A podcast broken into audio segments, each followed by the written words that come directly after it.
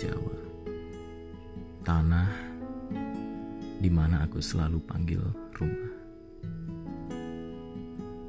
Kubawa ekspektasi serendah-rendahnya dalam bahu dan hanya sukacita yang ada. Bukan tentang hujan yang sering bertandang di tanah ini, tapi segelas es teh di tengah gerah kehidupan yang beratap gelisah. Aku tak bermaksud sok puitis, tapi mencurahkan rasa dalam barisan kata. Serasa sebaris bersamamu, menikmati segelas es teh di warung itu.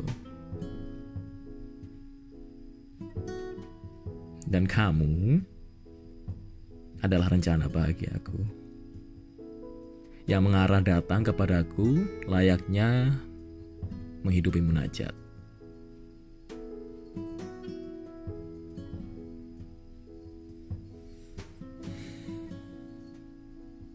Aku menyayangimu bukan karena kamu spesial di mataku.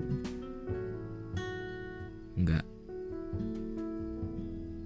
Tapi aku merasa ada wahyu kecil dari Tuhan untuk menjagamu.